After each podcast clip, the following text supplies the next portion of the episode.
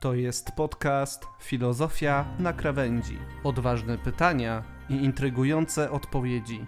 Marcin Worek i Piotr Bogdanowicz, czyli filozof i teolog na bezdrożach ludzkiej myśli. Zapraszamy. Niech będzie pochwalony Jezus Chrystus. Witamy wszystkich słuchaczy podcastu Filozofia na krawędzi. Witają Państwa prowadzący Bartłomiej Wojnarowski, a także nasi goście Piotr Bogdanowicz Szczęść Boże. i Marcin Worek. Szczęść Boże, W witam drugim serdecznie. odcinku porozmawiamy sobie nieco o ludzkiej duszy. Rozpoczęliśmy kosmicznie od samego początku wszechświata, od początku Biblii. Rozmawialiśmy nieco o ateizmie, o nowym ateizmie, o tych wszystkich nurtach, które dzisiaj się bardzo mocno zarysowują. A dzisiaj chcemy zaprosić Państwa na taką fascynującą podróż po ludzkiej duszy, ludzkiej, ale może i nie tylko, o tym się przekonamy za chwilę. Na początku jeszcze raz przedstawię moich gości. Piotr Bogdanowicz w Adeste jest zastępcą redaktora naczelnego do spraw jakości, jest teologiem, publicystą i blogerem. Zaczytuje się w twórczości m.in. księdza kardynała Jana Chryzostoma Korca, uwielbia pierwsze wędrówki. Drugim gościem jest Marcin Worek, współpracownik redakcji, filozof, pedagog, miłośnik tomizmu, badacz filozofii realistycznej i kosmosu. No i powoli będziemy zaczynali mówić trochę o tej duszy. E, Najpierw zadam takie dość proste pytanie, wydawało się szkolne, ale często to pytanie pojawia się w też takich e, dyskusjach i wydaje się, że ludzie nie do końca go e, rozumieją. Najpierw tutaj do naszego teologa Piotra. Jak dzisiaj Kościół rozumie duszę? To znaczy, czym ta dusza dla Kościoła jest? Bo w katechizmie mamy do końca jeszcze przed pytaniem, przed oddaniem głosu, zacytuję sam katechizm, który nie daje nam takiej sztywnej definicji, a między innymi tam mówi, cytuję samo Pismo Święte, mówi, że dusza jest często utożsamiana z życiem ludzkim, z tym wszystkim, co jest w człowieku i, i z samą jego głębią. No ale właśnie, czy, czy można jakąś definicję duszy, duszy ludzkiej w ogóle zarysować dzisiaj w teologii? Chyba nie. Chyba nie ma jednoznacznej definicji. E, To, co ty mówisz o tym, e, o katechizmie, tak, to co, co mówi katechizm na temat duszy, e, to jest w tym punkcie 363 e, bardzo istotne jest w zasadzie ostatnie zdanie, które mówi na ten temat katechizm, że dusza oznacza zasadę duchową w człowieku. Mhm. Jak to rozumieć? E, Co to jest za- za- za- za- zasada duchowa człowieku? Ja, to jest, w zasadzie to jest to wszystko, o czym mówiłeś przed chwilą i o czym mówi katechizm, tak? Mhm. E, Nie da się powiedzieć, e, określić jednoznacznie, czym jest dusza, powiedzieć, e, nie wiem, matematycznie, czy, czy jak w filozofii mamy konkretne definicje, tutaj też powiedzieć konkretnie definicji, czym jest dusza, bo Tak. no, możemy na temat, na podstawie objawienia domyślać się, próbować opisowo to zrozumieć. Oznacza to, co mówiłeś, że to jest to życie ludzkie, tak? E, Osobę ludzką oznacza w Piśmie Świętym Mhm. dusza. E, to, co w człowieku jest najgłębsze, najpiękniejsze, co stanowi o jego, o, o tym, o, że jest obrazem e, Stwórcy, obrazem Boga, tak? Tak, i tu E, przechodzimy też do kolejnego punktu właściwie katechizmu, który też mówi o duszy, o tym, że dusza jest tak silnie związana z, człowieku, z człowiekiem, że stanowi jego formę, czyli to jest właściwie my jesteśmy duszą jako pełnia człowieka, tak jak, jak to rozumieć, że bo tutaj mam taki zapis, że jedność ciała i duszy jest tak głęboka, że można uważać duszę za formę ciała, porównanie sobór wien. E, oznacza to przede wszystkim, no to, to jest od, słynne porównanie do, do materii i formy, tak? Tak, E, dusza e, stanowi e, formę naszego ciała, to znaczy, że ta, ta dusza ożywia nasze ciało, sprawia, że ono jest ciałem żywym, e, które, e, które myśli, które, e, które funkcjonuje, które podejmuje decyzje, które jest jest osobą, że stajemy się osobą. mhm. Jesteśmy wolni, możemy podejmować decyzje, możemy iść za głosem Bożym lub nie iść za głosem Bożym. Możemy wybierać dobro i zło. To wszystko, to dusza nas ożywia. To jest, to jest ta, ta zasada duchowa, ten, to, to, to jest to, co nas ożywia. sprawia, że jesteśmy osobami. Czyli jednym słowem to dusza, y, dusza powoduje, że jesteśmy ludzcy jako ludzie. Chyba tak można byłoby to w jakiś sposób określić. No, no, mówiąc najprościej tak, żeby nie Mhm. komplikować za bardzo, to można, można to w ten sposób powiedzieć. Tak, tak. No i teraz spróbuję, spróbuję odbiję trochę piłeczkę do, do Marcina, naszego redakcyjnego filozofa. Bardzo krótko postaraj się zarysować, czy dzisiejsza filozofia ma jakiś pomysł na definicję duszy. Czy w ogóle tym się nie zajmuje i to zostawia religii, czy nawet w ogóle e, jest to poza, poza dyskusją dzisiejszej filozofii. Jak to wygląda współcześnie? Znaczy, w, w dzisiejszych czasach jakby jest kilka nurtów, które, y, które należałoby nakreślić, jeśli chodzi o, o kwestię duszy. Znaczy, pierwszy taki nurt podstawowy, ja bym wyróżnił nurt naturalistyczny, to znaczy, że w ogóle nie ma mowy o żadnej duszy i tak naprawdę dusza to jest taki, taki starodawny termin, już, już, już przestarzały na określenie wszelkich władz umysłowych w człowieku, czy jakichś funkcji mózgu, które są y, no, dosyć skomplikowane, żeby się nie, jakby tu nie rozdrabniać. Yy, Natomiast jest jeszcze jakby, i tutaj jakby są różne warianty tych, tych, yy, mm, tych, tych systemów yy, naturalistycznych, prawda, że bardziej większy nakład, na, większy nacisk na przykład na, na umysł jako pewnego rodzaju taką mm, taki, sub, taki zbiór pewnych subiektywnych dla człowieka funkcji, które konstytuują całość jego procesów osobowych y, y, związanych z charakterem, z pracą umysłu, z siłą woli i tak. Y, Drugi taki nurt, ja bym wyróżnił zdecydowanie nurt, y, y, nurt taki teizujący, chociaż y, jest to nurt teizujący, ale taki już w duchu, duchu filozofii analitycznej. I to można byłoby na przykład gdzieś tam, gdzieś tam, gdzieś tam wywodzić powiedzmy ze współczesnej fenomenologii, która y, korzysta z, do, z, do, z, dorobku, z dorobku idealizmu, z dorobku Kartezjusza i, i też tworzy taką, postuluje taką koncepcję umysłu, takiego, taką koncepcję duszy jako niby umysłu, ale nie do końca. W sensie y, y, to się powiązuje z mózgiem bardzo często, z umysłem, ale mówi się o tej duszy jako o pewnej właśnie takiej funkcji Mm. y, organizowania życia, życia człowieka. Natomiast jest jeszcze oczywiście trzecia taka bardzo, ja ją zawsze podkreślam, tą, tą, tą, tą, tą koncepcję, to jest koncepcja współczesna, neotomistyczna i to jest koncepcja postulująca, że y, dusza ludzka to jest ni mniej, ni więcej to, co święty Tomasz za chwilę powiedział, że to jest forma substancjalna, czyli krótko mówiąc, to jest wewnętrzna zasada działania i organizowania bytu. Y, Jakby to chcieć wyjaśnić tak szerzej, to trzeba byłoby powiedzieć, że jest to y, trzeba by zacząć może od innej strony. Trzeba byłoby zadać sobie pytanie, skoro mamy DNA, które organizuje, mm, koduje w zasadzie wszystkie komórki ciała, w zależności od tego, jakie te komórki mają być, czy to ma być komórka na przykład mięśnia gładkiego, czy, czy poprzecznie prążkowanego, y, czy komórki mózgowe i tak dalej, i tak dalej, to trzeba byłoby zadać w takim układzie pytanie, to co w takim układzie organizuje, organizuje DNA, co odpowiada za mechanikę tych wszystkich, tych wszystkich substancji chemicznych, które, y, które y, mogą być skodowane w taki, a nie inny algorytm i z, z tego tytułu powstają no właśnie takie takie istoty jak na przykład człowiek, tak? Więc w, w tym kierunku byłaby dusza jako pewna organizatorka materii, ale dusza jako ta wewnętrzna zasada działania i organizowania tyczyłaby się też, tyczyłaby się też wszelkich władz rozumowych i wolitywnych człowieka, to znaczy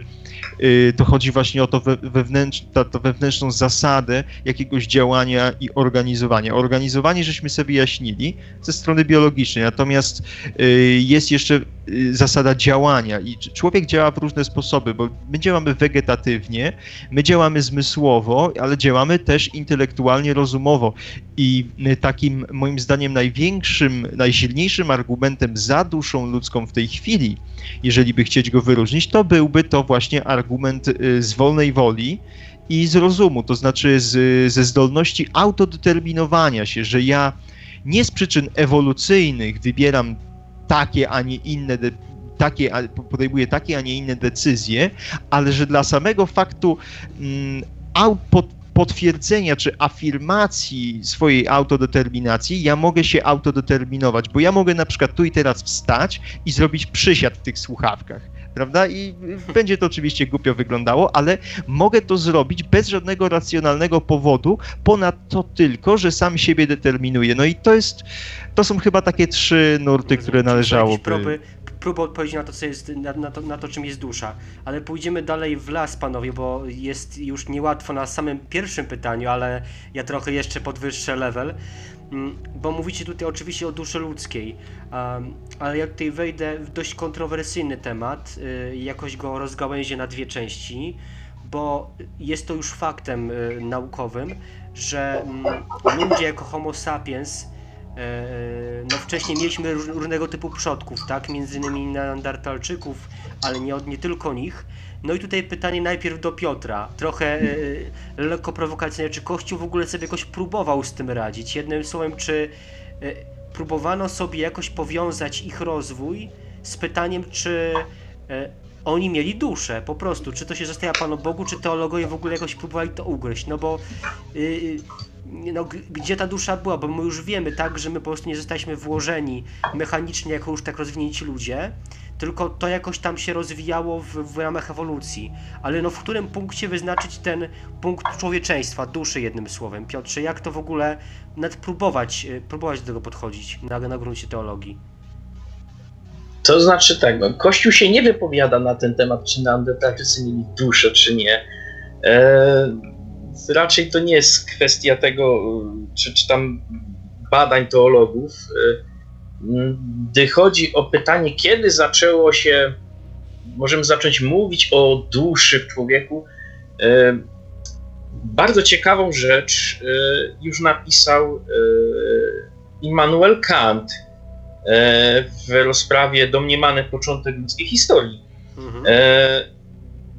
I Kant sugeruje, czy podaje takie cztery punkty, e, które według niego są e, takim progiem, e, po przekroczeniu którego możemy domniemywać, że, że no, pojawiło się w nas człowieczeństwo, jakaś dusza, samoświadomość. I, I te punkty są następujące, że pierwszy to jest że człowiek odkrywa, odkrył w sobie nieznaną e, zwierzętom e, zdolność do wybierania swojego sposobu życia. E, Mhm. Druga e, to jest e, świadomość panowania nad e, pewnymi różnego rodzaju popędami naturalnymi.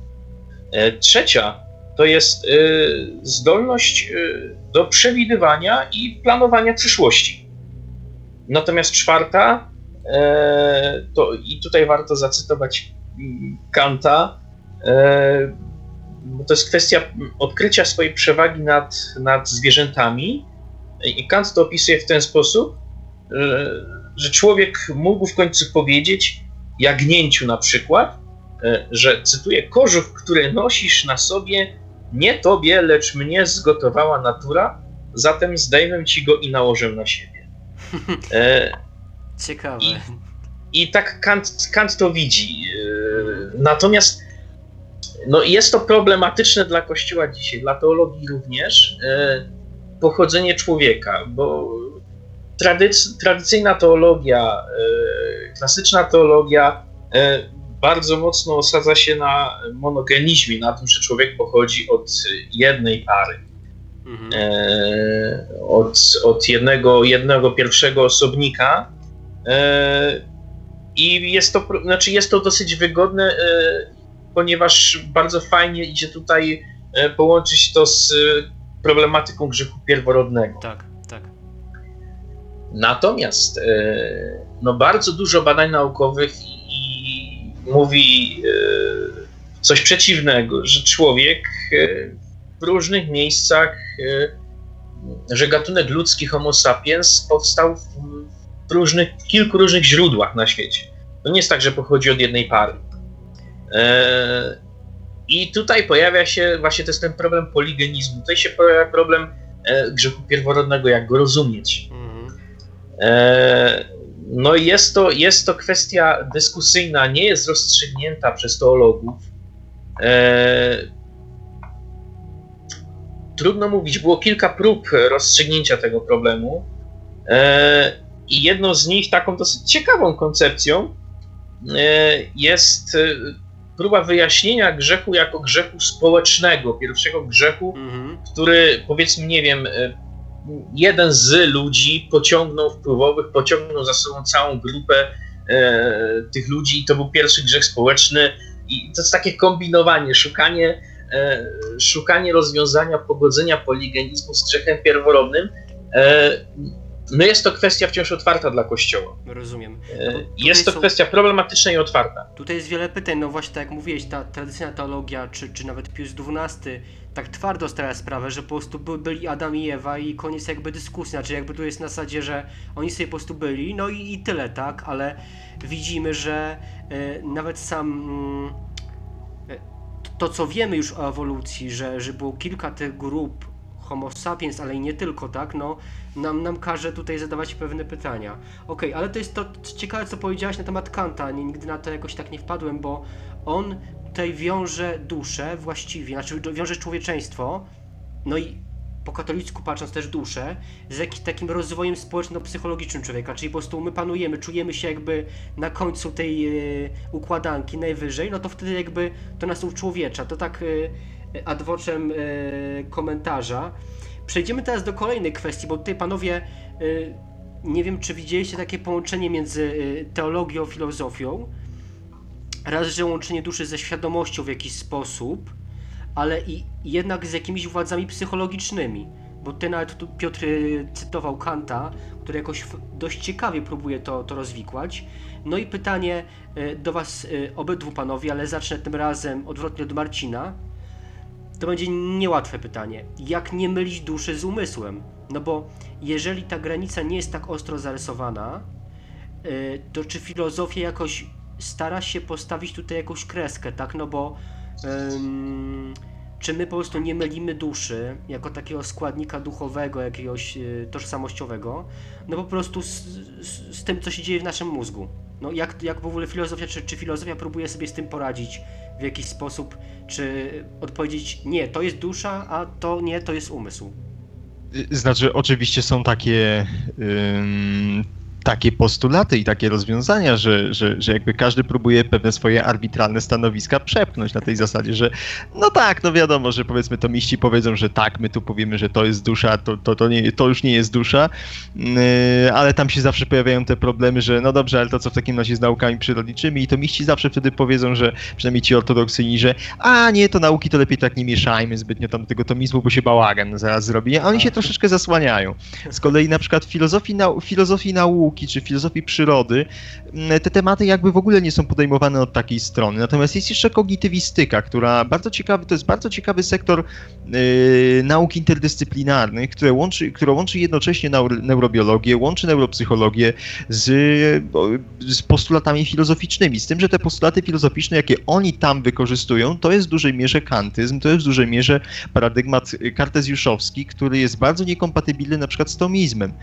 I teraz pytanie, co właściwie począć, skoro mamy mnóstwo stanowisk, bo to ja tylko przytoczyłem dwa w zasadzie, ale Mhm. spośród tych dwóch tam jeszcze wyłaniają się, wyłania się mnóstwo innych, które y, no na dobrą sprawę na, na, tworzą masę problemów, dlatego że oni wszyscy się ze sobą jakoś tam w czymś nie zgadzają i coś tam im nie pasuje, więc ostatecznie, jeżeli by chcieć powiedzieć, czy filozofia rozwiązuje problem, yy, jak nie, ten problem, jej, to, na, znaczy dać- daje odpowiedź na to pytanie, jak nie mylić duszy y, z umysłem, powiedziałbym, że y, filozofia nie tyle rozwiązuje, czy daje jakąś, od, czy, czy, czy, czy jakoś stawia jakąś taką sensowną, arbitralną odpowiedź, o tyle bardziej ona stara się odnakreślić pewne elementy egzystencji człowieka i egzystencji y, w ogóle rzeczywistości, do tego, strop, do tego stopnia stara się rozparcelować pewne, powiedzmy sobie, takie partykularne cechy rzeczywistości, które my dostrzegamy, do tego stopnia, że my jesteśmy w stanie z jakimś prawdopodobieństwem powiedzieć, że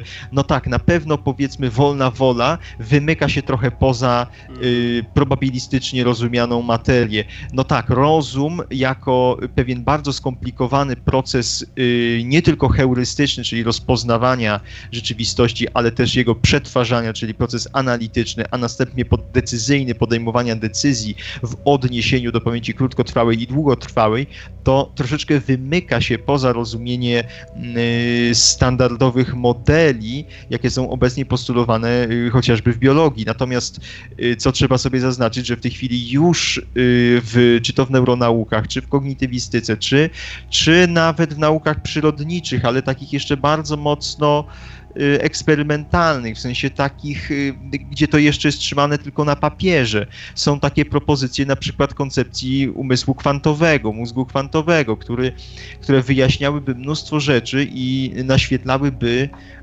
masę takich kwestii, na przykład związanych z tym, y, jak umysł miałby działać. I na przykład jest taki, jest taki japoński film y, Space Battleship Yamato i w odnowionej wersji z 2000 tam chyba 10 czy 12 roku, jeśli dobrze pamiętam, tam był podjęty taki kazus, co to jest umysł, jak działa ludzki mózg i y, jeden bohater do drugiego odpowiedział w ten sposób. Wymyśl, ty myślisz sobie, że to umysł to sobie tak prosto działa, że to jest taki prosty, banalny komputer i to się jakoś kręci. Nie, bzdura. Umysł, czy rozum ludzki, czy, czy, czy mózg ludzki w ogóle, to jest sieć mikroprogramów działających symultanicznie i nadpisujących się nawzajem, tworząc y, jakby pewną komplementarną całość, która y, w procesie właśnie tej, tej, tej komplementarności ona właśnie daje taki skutek, a nie inny. I to jest jakby, ta, jakby tylko tyle może tutaj filozofia, czy jakieś takie nauki tego typu odpowiedzieć. Natomiast ja chciałem nawiązać do tej sprawy jeszcze Neandertalczyków, bo to jest bardzo ciekawa rzecz. Otóż y, ja na przykład jako filozof, y, myśmy się, myśmy się zawsze z tym, w tej grupie po prostu gdzieś totomistów zastanawiali nad tym, jak odnieść się y, właśnie do tej kwestii powiedzmy tych wcześniejszych gatunków homo i jakby moje rozwiązanie na ten temat, na, co do tego problemu jest takie, że jakby to nie jest rozwiązanie teologiczne, to jest rozwiązanie oczywiście filozoficzne, więc jakby czy Neandertalczycy mieli tę samą duszę, co my mamy w tej chwili, ja bym powiedział, że mają tę samą z prostej przyczyny. Yy, jeśli patrząc z punktu tomistycznego, nie ma takiej możliwości, żeby coś mogło wykształcić sobie duszę samą z siebie yy, z czynnika już organizowanego, to znaczy materia jest czynnikiem organizowanym przez duszę, więc jeżeli materia jest organizowana przez duszę, to w takim układzie, żeby yy, no ta materia mogła osiągnąć jakiś poziom, stadium pewnej, pewnej, pewnej ewolucji, czyli na przykład Homo sapiens, czy Homo neanderthalensis i tak dalej, to ona, to ta dusza już musi być gdzieś w zarodku, jedynie tylko stopniowo uorganizowuje yy, powiedzmy funkcjonowanie materii gatunku Homo do tego stopnia, że w pewnym momencie powstaje takie cudeńko jak Homo sapiens, które buduje sobie rakiety i leci na księżyc. Mhm. Więc to, to w ten sposób. Ciekawe podejście, czy jednym słowem oni według, według Ciebie musieli mieć duszę, bo de facto wyglądali podobnie do nas, to znaczy, jakby tak to rozumiem, tak, że jakby dusz, to dusza organizuje ciała, nie odwrotnie. Tak, tak, tak, właśnie tak. Jakby dusza jest lo, lo, logicznie wcześniej od materii, nie czasowo. Czasowo to ona sobie tam może. Jakby my duszę poznajemy po skutkach, natomiast y, ze skutków możemy wyłonić automatycznie pewne wnioski. To jest tak samo jak na przykład z problemem aborcji. Bo bardzo często w problemie aborcji podnosi się taką kwestię, no tak, ale ze skutków to my nie widzimy, że to jest człowiek, to jest tylko za przeproszeniem, zlepek komórek. No tak, to jest tylko zlepek komórek, ale jeżeli spojrzysz na to, jaki jest tam konkretnie kod, jak to funkcjonuje, czy y, jak bardzo głęboko jest zakorzeniona pewna mechanika, która doprowadza do tego, że powstaje człowiek, wspaniała biomaszyna, która y, poznaje rzeczywistość i przetwarza dane w niesamowitym tempie, y, no to w takim układzie my nie możemy powiedzieć, że ten, ten dwu czy trzymiesięczny płód, którego niektórzy, pożal się Boże, ludzie nazywają, y, nazywają zlepkiem komórek, czy po prostu jakimś pasożytem, y, że to nie jest człowiek. Bo Mhm. oczywiście, że to jest człowiek. Nie w sensie takim materialnym, nie w sensie przypadłościowym, jak my to mówimy w filozofii, ale w sensie, w sensie filozoficznym, w sensie egzystencjalnym, metafizycznym, to już jest człowiek. I tu w takim samym znaczeniu ja bym napatrzył na przykład na Homo habilis, na Homo erectus, na Homo neander- neanderthalensis, że to są pewne stadia rozwoju człowieka, stadia metafi- takie powiedzmy materialne rozwoju człowieka, ale metafizycznie tam już był człowiek. Mhm. Natomiast jak to teraz ustosunkować do grzechu pierworodnego, dlatego pojęcia nie mam. Cie, cie, cie, ciekawe podejście. No teraz właśnie odbiję trochę piłeczkę do Piotra, e, bo przypomnę pytanie, jak nie mylić duszy z umysłem w ten sposób, czy Kościół przy dzisiejszym rozwoju nauki, kiedy powoli rozumiemy mózg, powoli zaczynamy rozumieć pewne schematy działania mózgu, jak, jak czy, czy w ogóle podejmuje się tego pytania? Nie, to są procesy umysłowe, tak to już jest dusza. Czy jest jakaś nawet próba nawiązania do tego problemu?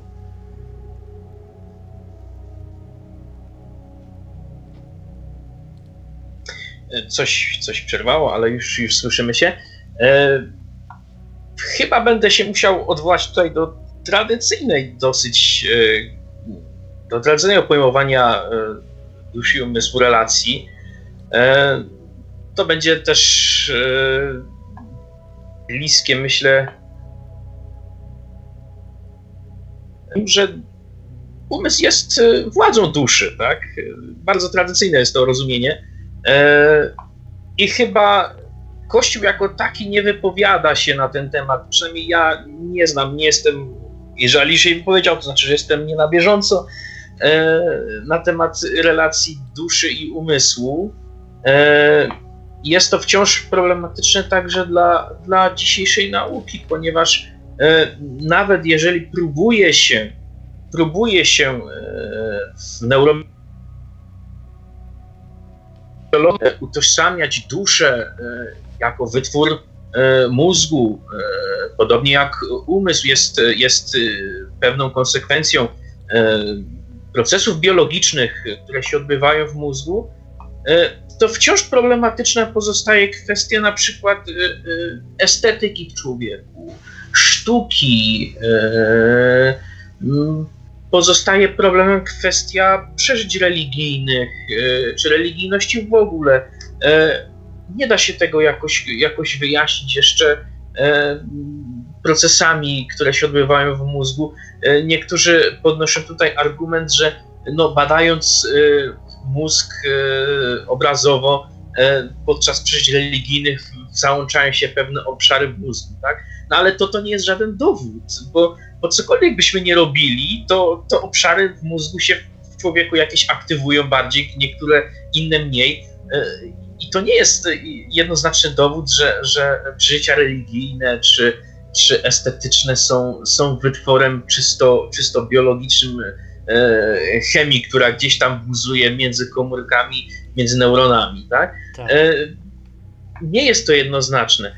E, e, Natomiast, co jest bardzo ciekawe, e, dzisiaj, e, dzisiaj e, próbuje się podchodzić raczej do człowieka jako do całości. I to jest chyba, e, wydaje mi się, odpowiedź e, na ten brak rozwiązania między, czy, czy brak pogodzenia e, relacji duszy i umysłu.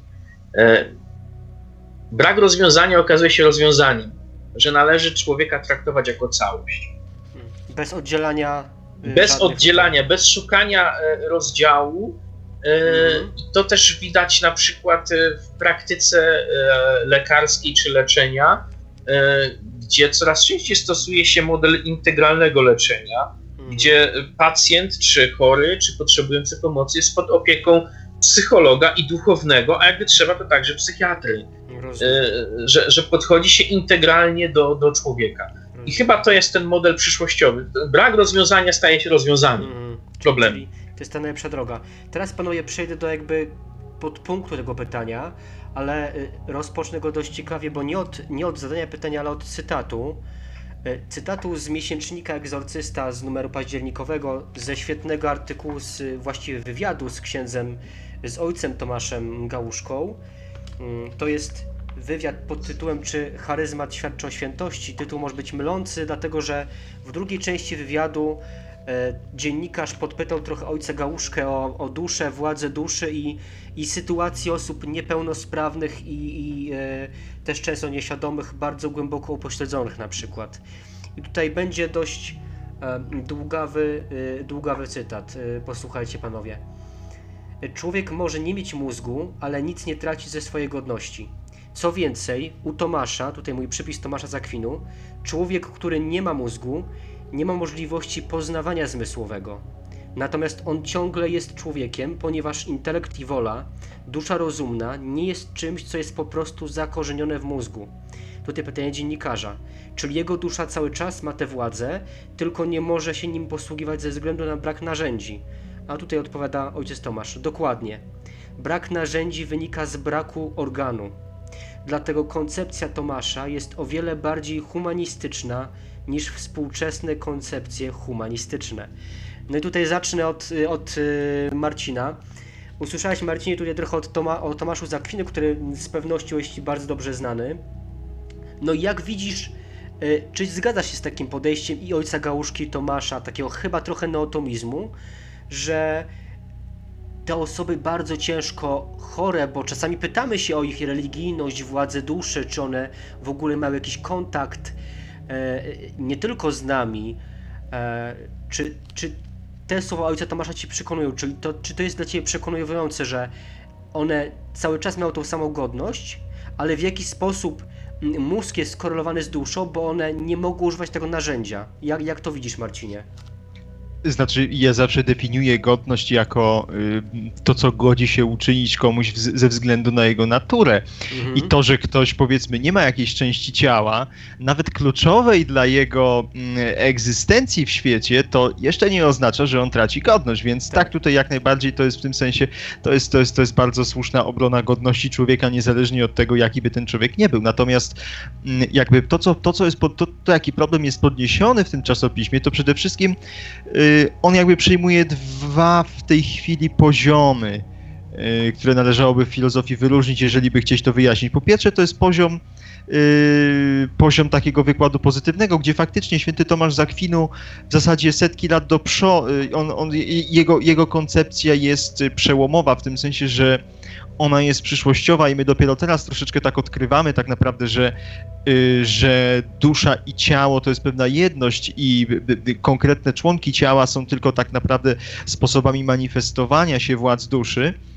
Y, I zespolenie między ciałem a duszą jest tak bardzo mocne, że y, jest to, mm, jest to, byśmy powiedzieli, dosłownie tak, jakby założyć rękawiczkę i ta rękawiczka, jakby to było tak, jakby ta ręka nie była tylko w tej rękawiczce i można w każdej chwili wyjąć tą rękę z tej rękawiczki, bo taka jest taka jakby naiwna koncepcja duszy i ciała, tej relacji, że to jest taka, prawda, dusza to jest ręka, a rękawiczka to jest ciało, no i my sobie zakładamy, no i prawda, później człowiek umiera, więc wyjmujemy i tak dalej.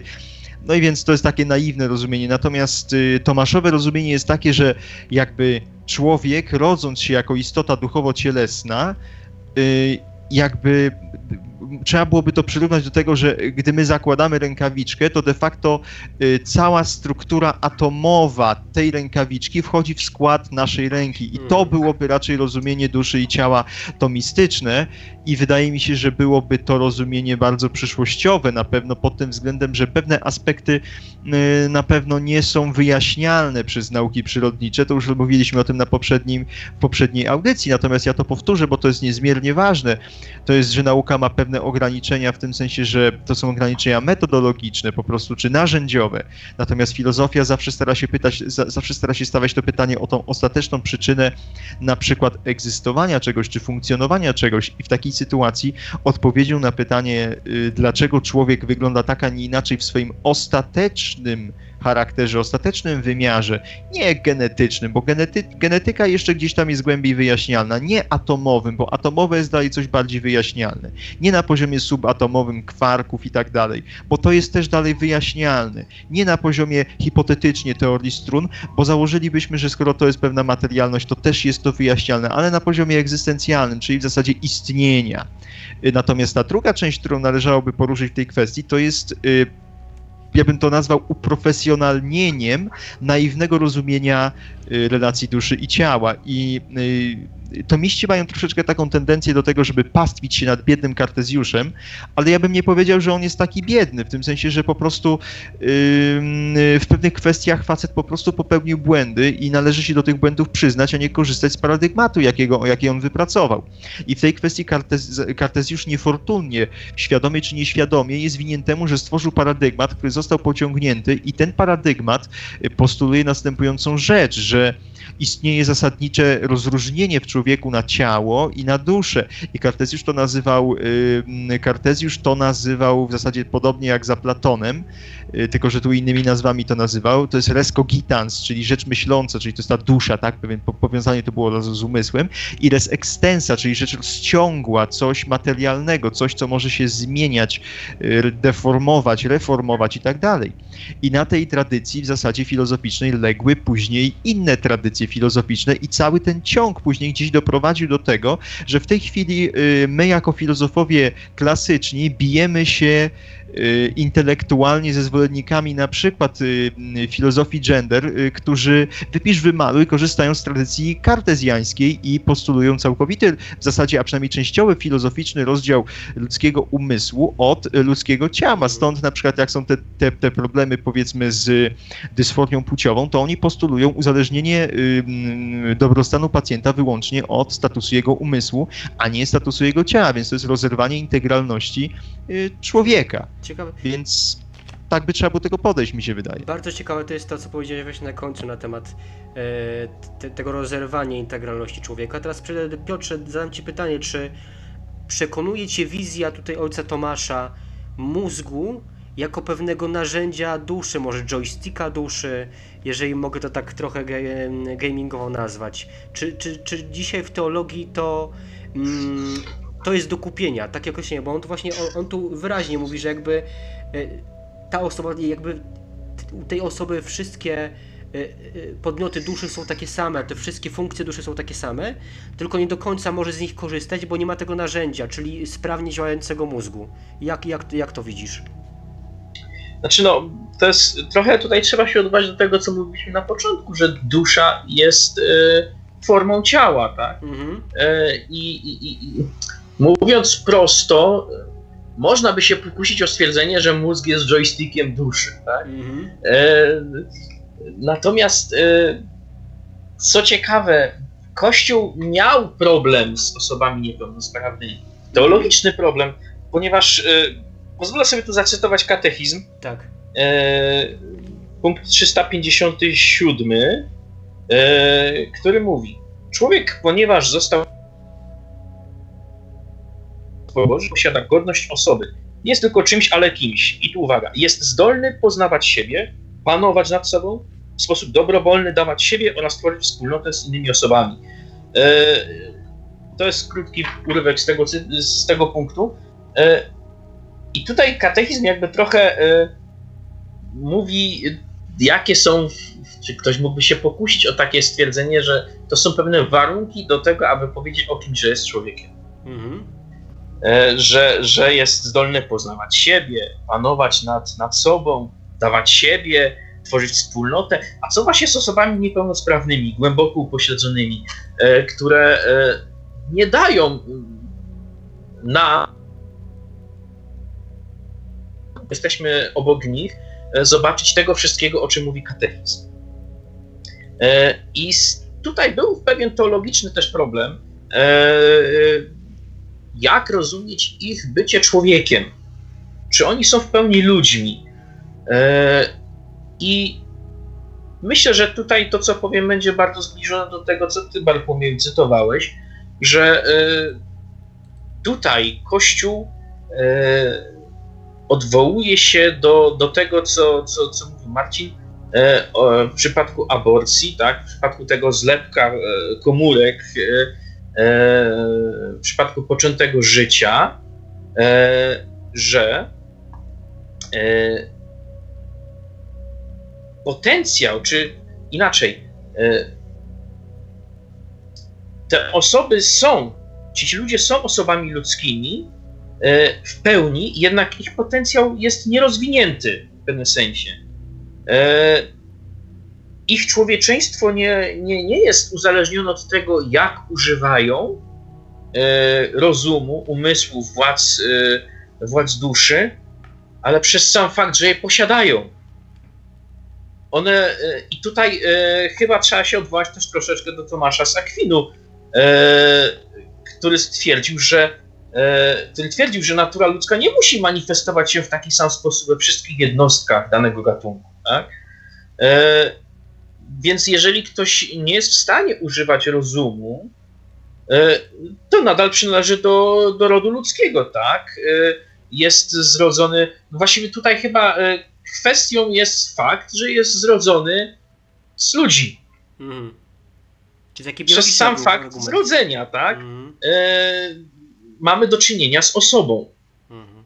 w pełni osobą, mimo że, że te władze duszy, powiedzmy przez, przez chorobę, przez głębokie upośledzenie, nie mogą się tak manifestować na zewnątrz, jak my to, czy jak w naszym przypadku. Tak? Pomijam, pomijam już fakt tego, że e, kompletnie e, w nauce współczesnej umyka kwestia tego, czy faktycznie te osoby się nie posługują tymi władzami gdzieś tam w swoim świecie, zamknięte w sobie. E, e, tego nie jesteśmy w stanie jakoś e, do końca stwierdzić. Tak, tak. Ja bym tylko jeszcze chciał dołożyć tak? taką cegiełkę metodologiczną, że y, proszę zauważyć, że y, jeżeli podejmuje się ten problem na przykład tego, no to co z osobami, które są niepełnosprawne, nieświadome, y, prowadzą wegetatywny tryb życia i nie okazują żadnych, y, żadnych oznak y, bycia osobą, to proszę zauważyć, że y, zwykle jeżeli prowadzi się badania jakiekolwiek, czy jakieś rozważania w kategoriach naukowych, to należy trzymać się tego, że nie wybieramy sobie, nie robimy tak zwanego cherry pickingu, czyli cherry picking, cherry, no, czyli nie, nie, wybieramy sobie takich smakowitych kąsków, y, czyli na przykład anormalnych sytuacji do tego, żeby podbudować sobie swoją teorię. Jeżeli na przykład zwolennicy eutanazji, czy zwolennicy, y, zwolennicy aborcji czy, czy, czy, czy, czy jakichś takich ekscesów tego typu proponują rozwiązanie, że no skoro nie okazuje żadnych oznak woli, rozumowania, świadomości i tak dalej, to równie dobrze możemy mu dać w czapę i niech już nie żyje, bo po co będziemy się z nimi męczyć, y, jest tak naprawdę właśnie takim cherry pickingiem. To jest wybieranie sobie smakowitego kąsku, y, kąska, który y, tak naprawdę nie ma odzwierciedlenia w rzeczywistości, bo jeżeli chcemy bazować, jeżeli chcemy odkrywać pewne prawa i pewne, pewne stałości w świecie i tym, jak ten świat się rządzi, to w takim układzie to się tyczy też praw moralnych. I jeżeli odkrywamy te prawa moralne, powiedzmy zakorzenione w rzeczywistości, Y, no to y, należałoby sobie powiedzieć, że musimy badać pewne normalne przypadki, a normalnym przypadkiem, normalnymi przypadkami, drodzy panowie i drodzy państwo, to jesteśmy my tu wszyscy zgromadzeni przy tej audycji, którzy słuchamy, rozumujemy, analizujemy to, mamy uczucia na ten temat i tak dalej. To my jesteśmy normalnymi przypadkami, natomiast wybieranie sobie anormalnych przypadków i tworzenia do tego jakiejś teorii, że a tu będziemy się w kazuistykę bawić, że jak ten jest nieprzytomny, czy ten nie rozumuje, czy, czy ten jest jeszcze w, w, w, w, w łonie ma, e, swojej matki, to, to tych można, że tak mm, powiem, mm. na boczny tor odklepać i niech sobie nie żyją. Przejdziemy, teraz, tak. przejdziemy teraz, panowie, znacznie dalej, wręcz do futuryzmu, bo porozmawiamy sobie teraz troszkę o robotach. E, są takie dyskusje, e, je już poruszyło kilka pism w Polsce, E, na temat nowych technologii, futuryzmu, duszy i tego, co się e, będzie może działo za niedługo całkiem. Hybryd e, ludzkich i, czy humanoidów, czy właśnie tych hybryd robotów i ludzi. No i tutaj mam pytanie najpierw do, mm, do Piotra, jeśli chodzi o te hybrydy, bo tutaj doszliśmy do pewnego punktu, że dzisiaj postrzega się człowieka jako całość, że ta dusza istnieje do końca, na 100% nie potrafimy jej definiować i że, że chyba ona jest, chyba czy chyba na pewno, czy, czy prawdopodobnie jest jakoś powiązana z mózgiem. No i tutaj, gdzie będzie istniała granica, tutaj może pobawimy się w taki bardziej freestyle umysłowy, gdzie będzie istniała granica ingerencji człowieka, żeby zachować jego, y, no tutaj to, to słowo chyba z Tomasza materię, czyli zachować człowieka w człowieku, czyli gdzie, gdzie y, będziemy mogli powiedzieć, że to jest człowiek z duszą, Y, z duszą i ciałem, że nie zastąpiony jakimiś, nie, wiem, procesorami, co już pierwsze próby mieliśmy w historii, tylko gdzie to będzie człowiek właśnie z tymi wszystkimi władzami, z duszą, czy nie wiem, wyjęcie części mózgu też będzie pozbawienie go duszy, czy, czy, czy to jest w ogóle jakoś dotykalne w, nawet w dyskusji?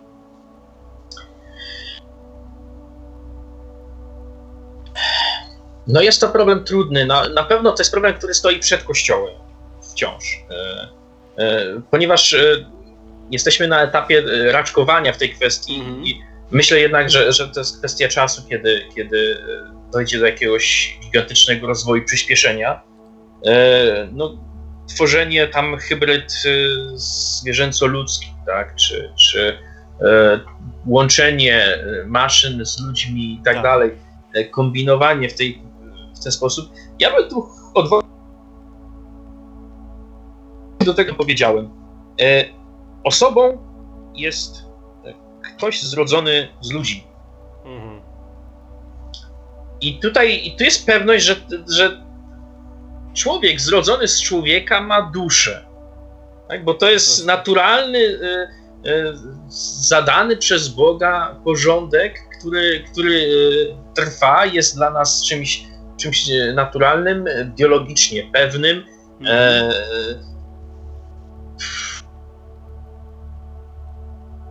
go skłaniać, nie trzeba nad tym kombinować, e, nie trzeba w tym grzebać, żeby to się, e, żeby to było skuteczne. Tak? Rozumiem.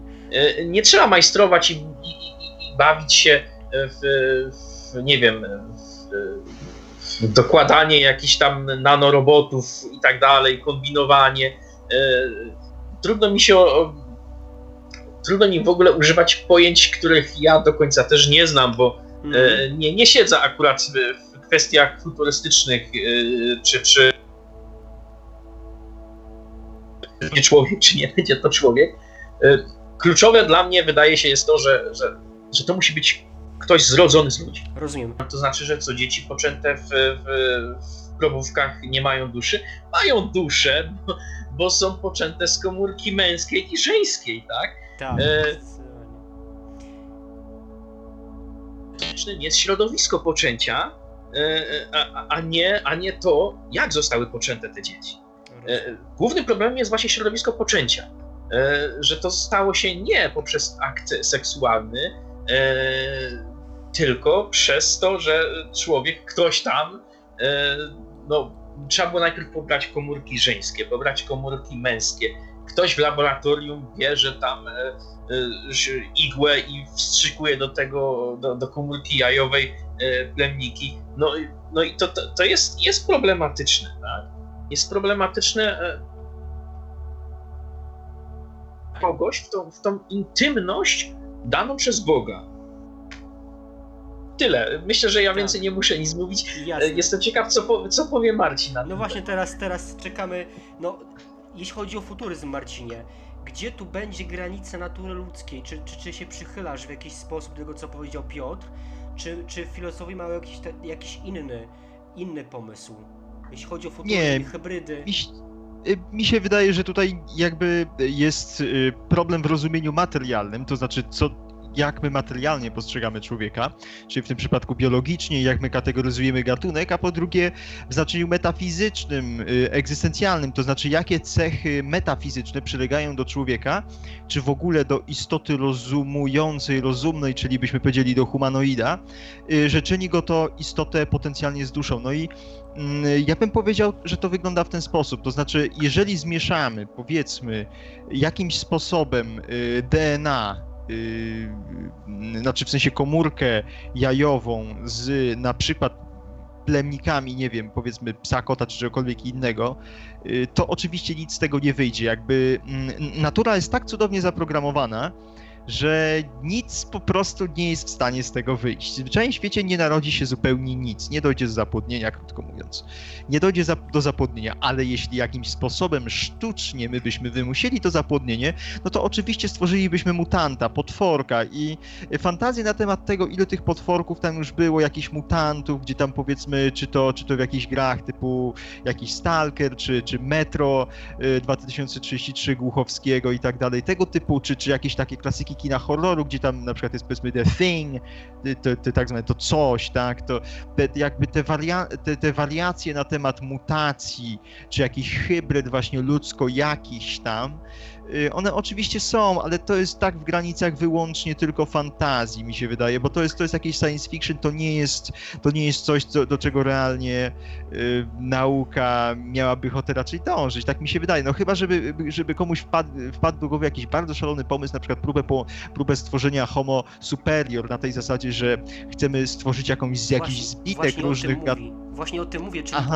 prostu przejście Czy- na nowy, tak jak był Homo neanderthalensis, mamy Homo sapiens sapiens obecnie, czy gdy po prostu udało Okej, się rozumiem. mechatronicznie, technologicznie stworzyć, to właśnie to Homo superior, czyli człowieka, y, o to mi chodzi, czy on jeszcze by miał duszę, czy to, to byłoby, czy byłaby to po prostu maszyna, jakby... I- i- Chyba wiele zależy od procesu, tak? Od procesu. M- Mnie się, wydaje, mnie się wydaje, że tu by trzeba patrzeć po skutkach tego, to znaczy, Aha, y, może czyli- tak, ja, ja odbiję, ja odbiję piłkę troszkę, ja odbiję piłkę w inną stronę i troszkę wsadzę kij w mrowisko, to znaczy, y, co by było, jeśli tu i teraz, y, to znaczy 2019 rok, listopad, na Ziemi lądują kosmici. Co my z nimi robimy? W sensie idziemy ewangelizować y, i mówimy, ej słuchajcie, wiecie co, bo my tu mamy takiego Pana Jezusa i On jest cudowny, wspaniały i zobaczycie, przekonacie się sami, jest, jest fajnie.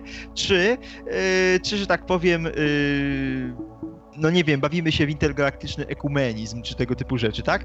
I co my w zasadzie z tym robimy? Czy my ich w ogóle uznajemy za ludzi, za nie ludzi? Co my z nimi robimy, tak? Jaki jest status filozoficzny, metafizyczny tych istot? No, y, ja skłaniałbym się do teorii, że jeżeli jakiekolwiek istoty rozumne istnieją we wszechświecie jeszcze poza nami, w sensie na takim poziomie jak my, albo wyżej, albo trochę niżej gdzieś na poziomie, powiedzmy, y, homo ne, ne, y, jakichś neandertalczyków, czy, czy, czy homo habilis, czy homo erectus, to z, z całą stanowczością należy skłaniać się do teorii, że są to po prostu inne wariacje na temat ludzi czy i tak zwanych humanoidów, po prostu, że to są humanoidy. I jeżeli my zaczniemy sobie bawić się, yy, bawić się genetyką na poziomie tak elementarnym, że y, de facto wykreujemy zupełnie nowy gatunek, czyli Homo superior i on, nie wiem, będzie skakał y, na wysokość 10 pięter, Dokładnie strzelał tak. laserami z oczu i tak dalej, y, no to w takim układzie y, patrzymy po tym przede wszystkim, jakie ma cechy metafizyczne, a jeżeli będzie rozumował, ma, y, on się będzie autodeterminował, jeżeli wykryjemy u niego y, zdolności kulturotwórcze, jeżeli wykryjemy u niego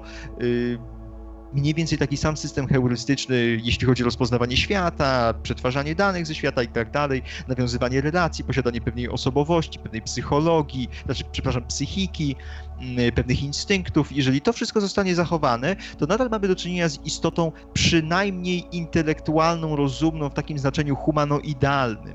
Tylko pytanie teraz, y, na jakim poziomie ta istota humanoidalna jest, bo y, to samo moglibyśmy powiedzieć na przykład o aniołach. No są to istoty rozumne, na pewno mają wolę, na pewno mają jakąś osobowość. I teraz co? Pytanie pojawia się takie, no to co to w takim razie to są, to są, przepraszam, jacyś ludzie? No, no nie no, z całą stanowczością y, gatunek ludzki to jest gatunek ludzki, tak? I co do tego nie ma żadnych wątpliwości. Natomiast, natomiast y, czy to są istoty humanoidalne w takim sensie, że to są jakieś, nie wiem, y, międzywymiarowe byty złożone w zasadzie z czystej informacji, czy czegokolwiek jeszcze innego, nie mam dla tego pojęcia czego, snuje teorię, y, no to tu możemy jakby przyłożyć do tego rękę, że no chyba tak, no bo jeżeli to są, nie wiem, międzywymiarowe, fruwające po prostu gdzieś między czymś między jakimiś po prostu wymiarami istoty y, złożone tak, będące tak naprawdę chmurą informacji, która ma osobowość, ma rozum, wolną wolę i tak dalej, ale są poddane Panu Bogu, y, no to, y, to tak, jak najbardziej tak. I też te doświadczenia mistyczne ludzi, którzy, którzy gdzieś tam spotykają te dusze, y, y, powiedzmy z zaświatów, z niebios, czy, y, czy, czy, czy rozmawiają ze swoimi aniołami, y, potwierdzają, że te istoty są bardzo ludzkie, w sensie one, możemy z taką pewną y, śmiałością założyć, że one się troszkę uczłowieczają, żeby być na bardziej naszym poziomie, żebyśmy mogli zrozumieć pewne rzeczy. No bo jeżeli inny, inny aparat poznawczy, y, duchowy, to automatycznie inny sposób przetwarzania danych, inny sposób rozumowania, wyobrażania i tak dalej, nie? W ten sposób. Natomiast A no, nie jest to, nie jest to czasem też próba e, e, na przykład osób, które widują swoje anioły. To nie jest tak, że nie musi być wcale tak, że one są jakoś humanoidalne, te anioły, czy po, one po prostu może zniżają się, czy dostosowują swój poziom przekazu do naszej percepcji. bardzo prawdopodobne, że tak jest. e, Bardzo i to jest- że To tak jest też tak, że e, nie chyba Louis to mówił o tym, e, że wszędzie, wszędzie w kościołach czy, czy w świątyniach e, anioły są przedstawiane jako takie pulchniutkie, malutkie, przemiłe istoty, ale jak się czyta Pismo Święte, to, to każde spotkanie z aniołem kończyło się wielkim przerażeniem człowieka, padaniem na twarz i, i, i pierwszym zdaniem typu nie bój się. Tak.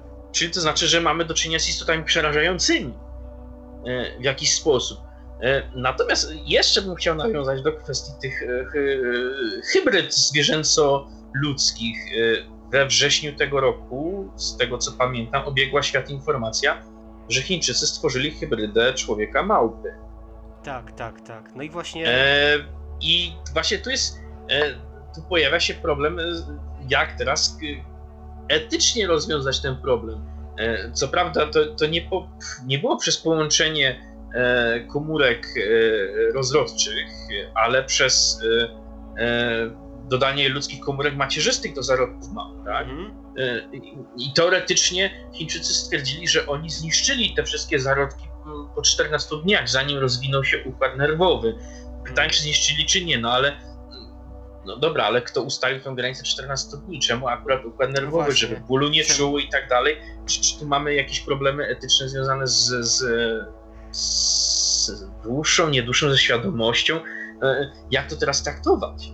No właśnie. Ja bym na to patrzył y, w taki sposób. Ja bym na to patrzył tak samo, jak w średniowieczu patrzono na zwierzęta, które troszkę bardziej, powiedzmy, rozumowały w cudzysłowie. To znaczy, w średniowieczu znane są, znane są procesy sądowe, na przykład ludzi ze świniami czy z krowami, które na przykład tam Tak. zadeptały kogoś, zagryzły i tak dalej. Oczywiście u nas w tej chwili budzi to pewnego rodzaju taki albo niesmak, albo po prostu uśmiech. Y, Bardziej chyba nawet uśmiech. To jest dosyć zabawne zobaczyć świnię w sądzie.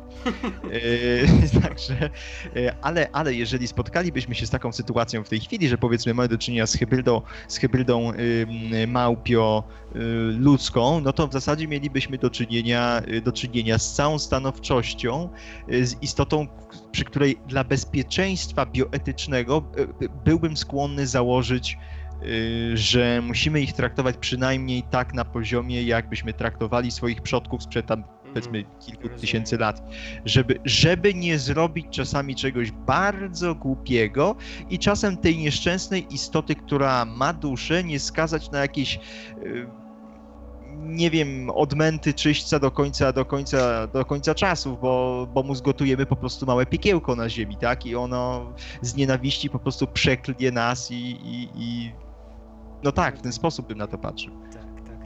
No to wszystko, to wszystko o czym y, mówiliśmy jest y, ciekawe. Wiele, wiele tych kwestii, tych kwestii jest otwartych. Panowie, dziękuję wam, y, dziękuję wam za tą fascynującą rozmowę, dyskusję. Myślę, że do kwestii duszy będziemy jeszcze w jakiś sposób powracali. Na te pytania sobie odpowiadaj razem z naszymi słuchaczami. Ogromne dzięki. W kolejnym podcaście porozmawiamy o nihilizmie, o tym, czy Nietzsche miał rację, a może bardzo nie miał racji. Do usłyszenia i do zobaczenia, panowie. I dziękuję Wam, na, e, słuchacze, że jeszcze z nami wytrzymujecie i ciągle chcecie e, poznawać te tajniki i filozofii, teologii i próbować jakoś odpowiadać na te wszystkie pytania. Szczęść Boże i wszystkiego dobrego. Dziękuję Wam. Z Panem Bogiem.